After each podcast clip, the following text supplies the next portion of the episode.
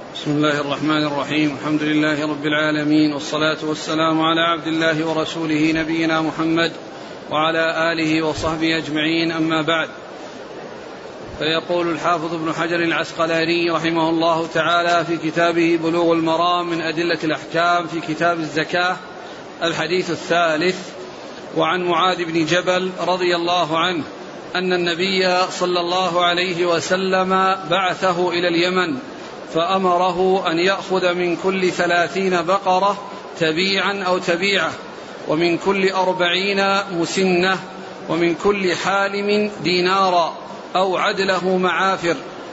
رواه الخمسة واللفظ لأحمد وحسنه الترمذي وأشار إلى اختلاف في وصله وصححه ابن حبان والحاكم. بسم الله الرحمن الرحيم. الحمد لله رب العالمين.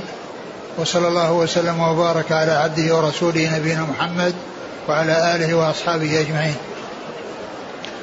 أما بعد فهذا الحديث هو الحديث الثالث من أحاديث كتاب الزكاة من بلوغ المرام للحافظ بن حجر العسقلاني رحمه الله وهو عن معاذ بن جبل رضي الله عنه يبين فيه أن النبي عليه الصلاة والسلام لما بعث بعثه إلى اليمن كتب إليه بأن بأن بأنه في كل تبيع وتبيعة في كل في كل أربعين تبيع, تبيع أو تبيعة في كل ثلاثين تبيع وتبيعة وفي أربعين مسنة.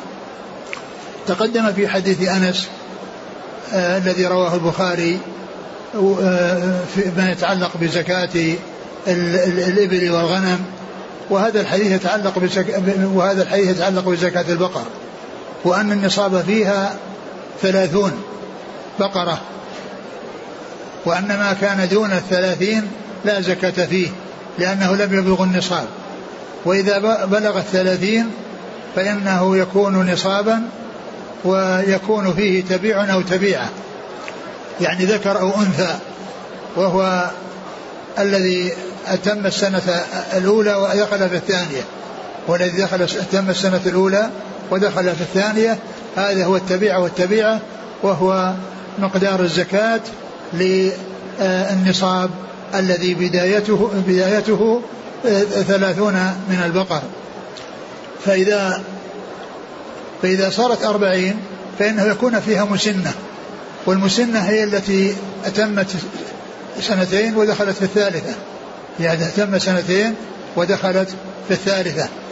وهكذا في كل في في كل ثلاثين تبيعا وتبيعه وفي كل أربعين مسنة. فهذه زكاة البقر التي بينها رسول الله صلى الله عليه وسلم في هذا الحديث. ومما جاء في هذا الحديث أن أنه يؤخذ على كل حالم دينارا أو عدله مع فرية. والدينار والحالم هو المحتلم الذي بلغ الحلم وصار يعني تجاوز سن الصغر وبلغ الحلم فإن فإنه يؤخذ عليه في دينار. والمقصود من ذلك من كان من أهل الكتاب في اليمن ف ولم يسلم فإنها تؤخذ منه الجزية وهي دينار كما جاء في الحديث عن رسول الله صلى الله عليه وسلم. وقد سبق أن مر في حديث ابن عباس في قصة بعث معاذ إلى اليمن قال إنك تأتي قوما أهل الكتاب. يعني معناها أن اليمن كان فيه أهل كتاب. وفي هذا الحديث قال إنه يأخذ من كل حالم دينارا جزية إذا لم يسلم. إذا بقي على دينه فإنه يدفع الجزية ومقدارها دينار. أو عدله معافريا معافريا والمعافري يعني قبيلة في اليمن تنسب إليها الثياب. تنسب إليها الثياب يقال لها المعافرية. فإما أن يدفع دينارا أو يدفع ما يقابله أو ما يساويه من هذه الثياب المعافرية. نعم. يعني الحكم هذا في نفس الإرسال الأول؟ أي. الإرسال الأول أو بعث النبي صلى الله عليه وسلم معاذ؟ لا, لا هذاك عن ابن عباس. هذاك كل الروايات جاءت على أنه من مسند ابن عباس. لكن وأما هذا من مسند معاذ. لكن السفرة هي نفسها أو أن إرساله صار مرتين. إرسال معاذ إلى اليمن مرة واحدة رسم له الخطة الأولى. أنا ما أعرف ما أعرف يعني شيء تكرر لكنه هو بعث في السنة العاشرة كما مر في الحديث السابق وأما كونه تكرر لا أدري. وعن عمرو بن شعيب عن أبيه عن جده رضي الله عنه أنه قال قال رسول الله صلى الله عليه وسلم تؤخذ صدقات المسلمين على مياههم. رواه أحمد ولأبي داود ولا تؤخذ صدقاتهم إلا في دورهم. ثم ذكر هذا الحديث عن عمرو بن شعيب عن أبيه عن جده رضي الله تعالى عنه أن النبي صلى الله عليه وسلم قال تؤخذ صدقات المسلمين على مياههم يعني أن أصحاب المواشي التي يرعونها في الفلات ويردون على مياه يريدون يريدون دوابهم على مياه فإن المصدق الذي العامل الذي يأخذ الزكاة يذهب إليهم في في على مياههم وفي منازلهم وفي دورهم أي محلاتهم التي يسكنون فيها يعني في البر حيث يسكنون يعني في يعني في في البر لطلب العشب و وإذا آه، آه، ويردون المياه التي حولهم للشرب منها ولتروى بهائمهم منها فالرسول عليه الصلاة والسلام أمر آه، أن يرسل العمال وأن يكون العمال يذهبون إليهم في منازلهم وفي مياههم ولا يكلفوهم أن يأتوا إليهم لا يكلف الناس أن يأتوا آه، يأتوا إليه آه، بمواشيهم حتى يأخذ منهم الزكاة وإنما يرسل لأن إرسال العمال إلى إليهم في مياههم فيه سهولة وفيه تيسير. بخلاف ما إذا كلف أصحاب المواشي بأن يسوقوا غنمهم أو إبلهم إلى إلى الإمام أو إلى مكان معين يعينه لهم الإمام بل السنة جاءت للتخفيف عليهم والتيسير بأنها تؤخذ منهم زكاتهم على مياههم وعلى وفي دورهم أي منازلهم مساكنهم التي يسكنونها في البر ولا يكلفون المجيء إلى الإمام أو إلى جهة معينة يعينها الإمام ليدفعوا إليها زكاتهم لأن في ذلك مشقة عليهم. فجاءت السنة بالتيسير والتخفيف وعدم تحميلهم ما يشق عليهم. نعم. وعن أبي هريرة رضي الله عنه أنه قال قال رسول الله صلى الله عليه وسلم ليس على المسلم في عبده ولا فرسه صدقة. رواه البخاري. ولمسلم ليس في العبد صدقة إلا صدقة الفطر. ثم ذكر الحديث عن أبي هريرة أن النبي عليه الصلاة والسلام قال ليس على المسلم في عبده وفرسه صدقة إلا إلا أن العبد يجب عليه أن يدفع عنه صدقه زكاة الفطر. يجب عليه ان يدفع عليه زكاة الفطر.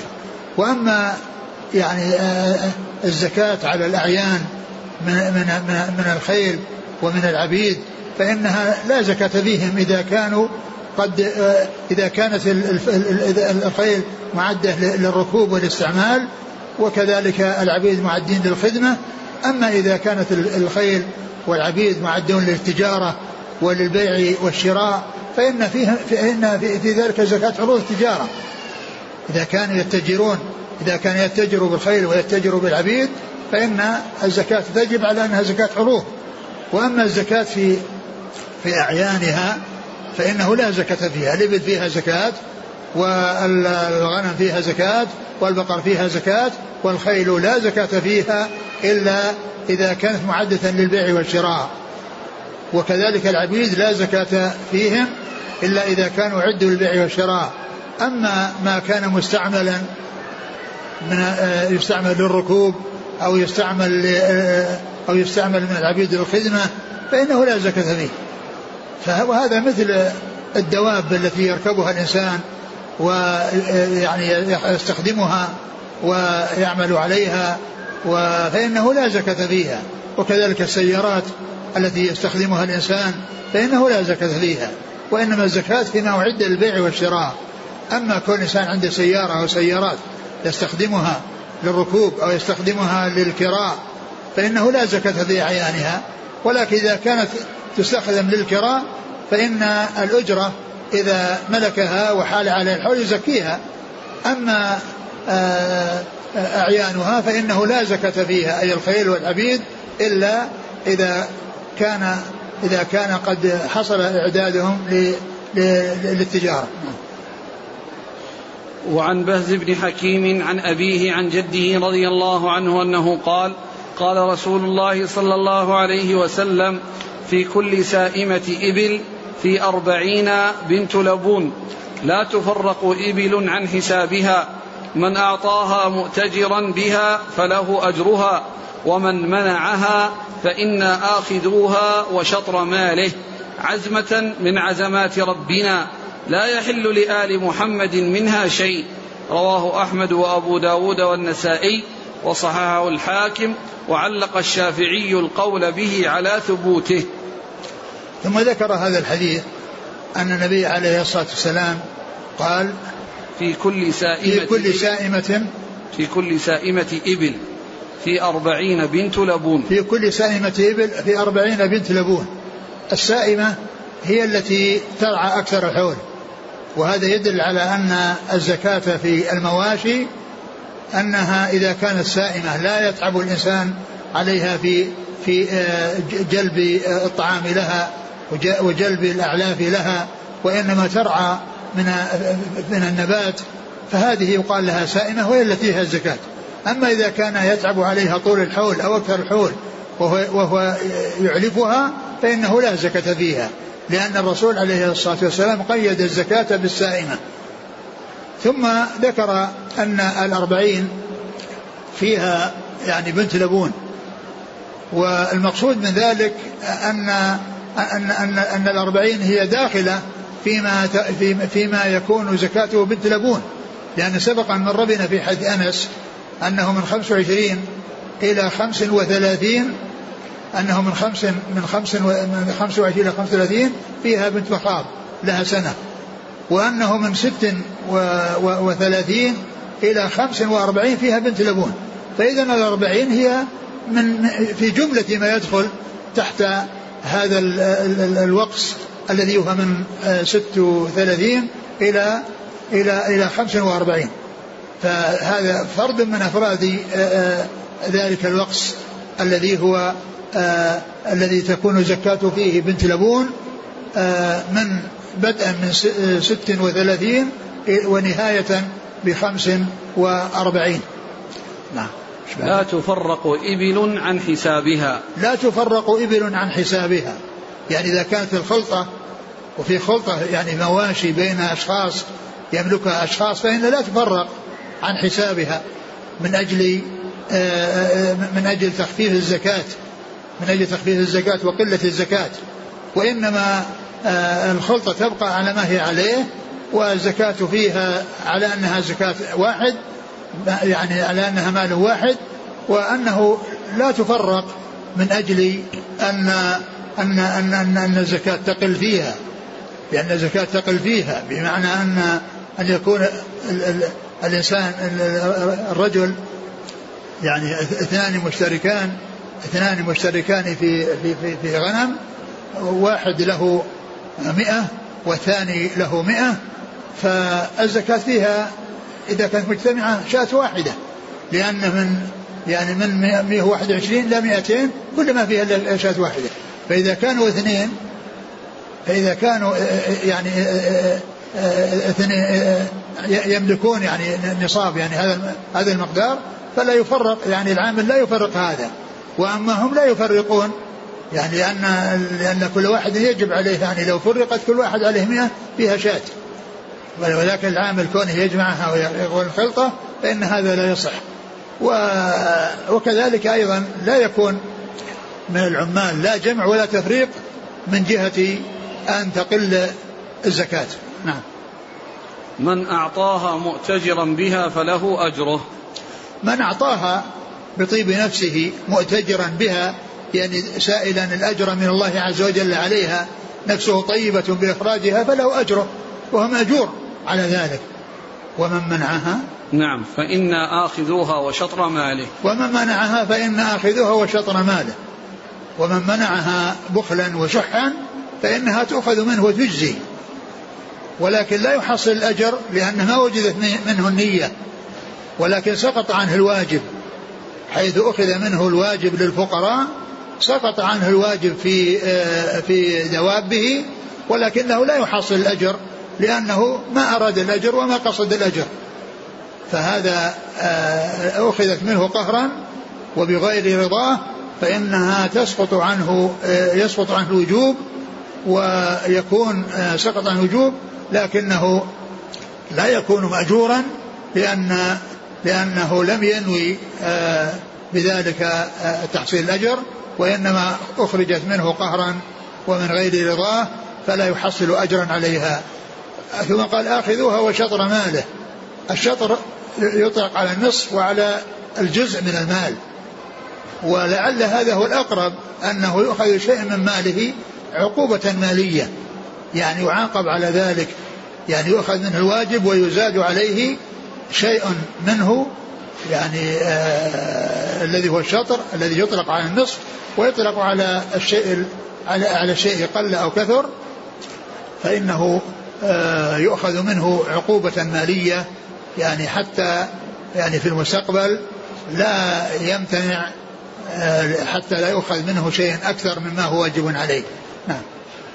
عزمة من عزمات ربنا. عزمة يعني هذا يعني الذي نأخذه إنما هو جد وأن أنه عزيمة وأن هذا يعني شيء لازم من أجل تحصيل المصلحة للفقراء ومن أجل آه، آه، أداء الواجب آه، من الأغنياء. لا يحل لآل محمد منها شيء. وهذا فيه أن الزكاة لا تحل لآل محمد. لا تحل لآل محمد وآل محمد صلى الله عليه وسلم هم بنو هاشم.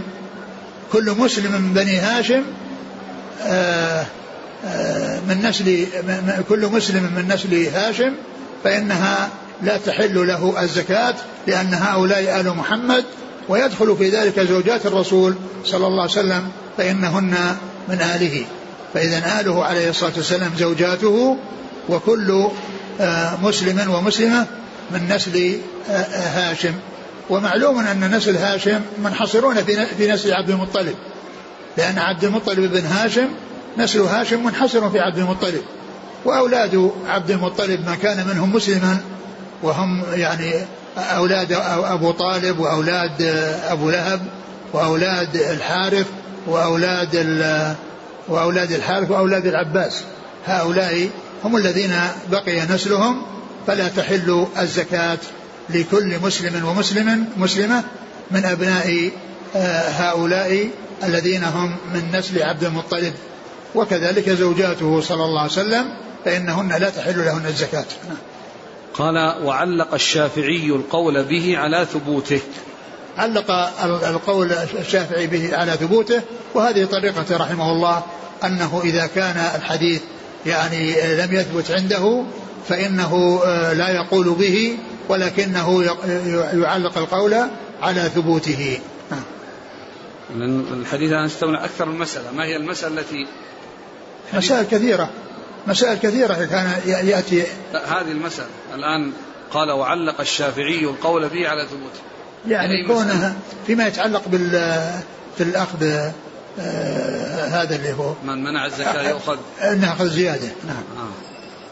وعن علي رضي الله عنه أنه قال قال رسول الله صلى الله عليه وسلم إذا كانت لك مئة درهم وحال عليها الحول ففيها خمسة دراهم وليس عليك شيء حتى يكون لك عشرون دينارا وحال عليها الحول ففيها نصف دينار فما زاد فبحساب ذلك. وليس في مال زكاة حتى يحول عليه الحول. رواه أبو داود وهو حسن وقد اختلف في رفعه. وللترمذي عن ابن عمر رضي الله عنهما من استفاد مالا فلا زكاة عليه حتى يحول عليه الحول. والراجح وقفه. ثم ذكر هذا الحديث عن علي رضي الله عنه أن النبي عليه الصلاة والسلام بين في هذا الحديث زكاة الذهب والفضة. والنصاب ومقدار الزكاة. فالفضة مقدار النصاب فيها مئة درهم. مئة درهم. فإذا نقص عن المئة درهم يعني ولو درهم واحد بأن كانت 199 درهم لا زكاة فيها لأنها ما بلغت النصاب. فإذا بلغت النصاب بأن كملت 200 فإن فيها الزكاة والزكاة ربع العشر. والزكاة ربع العشر. وكذلك الذهب عشرون مثقالا وعشرون دينارا يعني إذا بلغ الذهب هذا المقدار فإن فيه ربع العشر. وإذا نقص عن هذا المقدار فإنه لا زكاة فيه. فإذا هذا الحديث فيه بيان آه، أنصب الذهب والفضة ومقدار ما يخرج منهما وأنه ربع العشر. إيش بعده؟ وليس في مال زكاة حتى يحول عليه الحول. وليس في مال زكاة حتى يحول عليه الحول. وهذا لأن الحول هو الذي يكون فيه النماء ويمكن أن يحصل فيه النماء فلم تكن المدة نصف سنة أو أو شهر أو شهرين أو ثلاثة لأن هذا يعني ما يحصل فيه نماء. لكن سنة كاملة يحصل فيها نمو المال فتجب فيه الزكاة وإذا فلا زكاة في مال حتى يحول عليه الحول. وهذا فيما يتعلق بالمواشي وبالنقدين وبعروض التجارة. وأما بالنسبة للخارج من الأرض فإن حوله حصول حصول الاستفادة منه بالحصاد والجذاذ. الحصاد للزرع والجذاذ للرطب والتمر. فإنه إذا حصل حال وإن لم يكن سنة كاملة لأن حوله هو حصول جذاذه وحصول حصاده. وأما الأموال الأخرى فإنه لابد من مرور سنة كاملة. لابد من حولان الحول عليه وهو سنة كاملة. نعم. وللترمذي عن ابن عمر من استفاد مالا فلا زكاة عليه حتى يحول عليه الحول والراجح وقفه. ثم ذكر هذا الحديث عن ابن عمر من استفاد مالا فلا زكاة فيه حتى يحول عليه الحول. استفادة المال يعني بأن يكون الإنسان عنده مال آآ آآ عنده مال ثم حصل مالا جديدا مالا آخر بإرث أو غير ذلك فإنه يستأنف له حولا. يستأنف له حولا. وإذا كان يعني من الذهب أو الفضة وهو لا يبلغ نصاب فإذا استفاد مالا ضمه إليه وبدأ يحسب الحول. وبدأ يحسب الحول. أما إذا كان يعني آه الأول يعني نصابه أكثر ثم حصل بعد ذلك في أثناء السنة مالا جديدا اكتسبه ورثه أو يعني آه حصل أنه آه آه, استفاده فإنه فإنه إن كان الذي عنده من قبل لا يكمل نصاب يضم إليه ويبدأ يحسب يحسب الحول.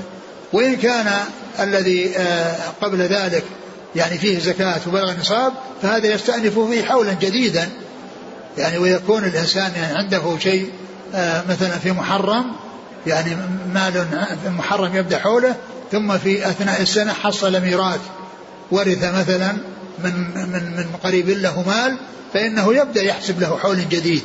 ما يكون حول حول ذاك إلا إذا كان الأول ناقص وكمل به وكمل به. وأما إذا كانت الاستفادة لهذا المال عن طريق ربح التجارة أو عن طريق نتائج السائمة فإن هذا حول حول أصلا لأن ربح التجارة ونتائج السائمة حوله حول أصله. لا يحسب لحول جديد يعني النتائج الأولاد التي تلد يعني إذا ولدت لا يحسب لها يعني وإنما حول حول أصلها. حولها حول أصلها فعندما يحول الحول تخرج الزكاة من الجميع آه الذي الذي حال عليه الحول والذي ما حال عليه الحول. لأن ربح التجارة ونتاج نتاج السائمة تابع لأصله. نعم. أحسن الله إليك مسألة الذهب والفضة. هل المسألة الذهب والفضة. أيه؟ إذا كان كل واحد منهما بمفرده ينقص عن النصاب. يكمل, يكمل. نعم يكمل بعضهم بعض. الذهب والفضة يضم بعضها إلى بعض في تكميل النصاب. لأنها كلها نقود وكلها أثمان. نعم. وعليه مثلا الآن اللي عنده بعض المال ورق وعنده مثل ذهب. عنده أوراق نقدية أيه؟ مثلا 300 آه، ريال. وعنده مقدار من الغرامات الذهب. كذلك حتى يصل بها كذلك نعم نعم. صلى الله إليك عن علي رضي الله عنه قال ليس في البقر العوامل صدقة. رواه أبو داود والدار قطني والراجح وقفه أيضا. ليس يعني هذا الحديث يقول ليس في العوامل في البقر, في البقر العوامل. صدقة. العوامل هي التي تستعمل لكونه يحرث عليها تحرث في الأرض وكونه يستخرج الماء.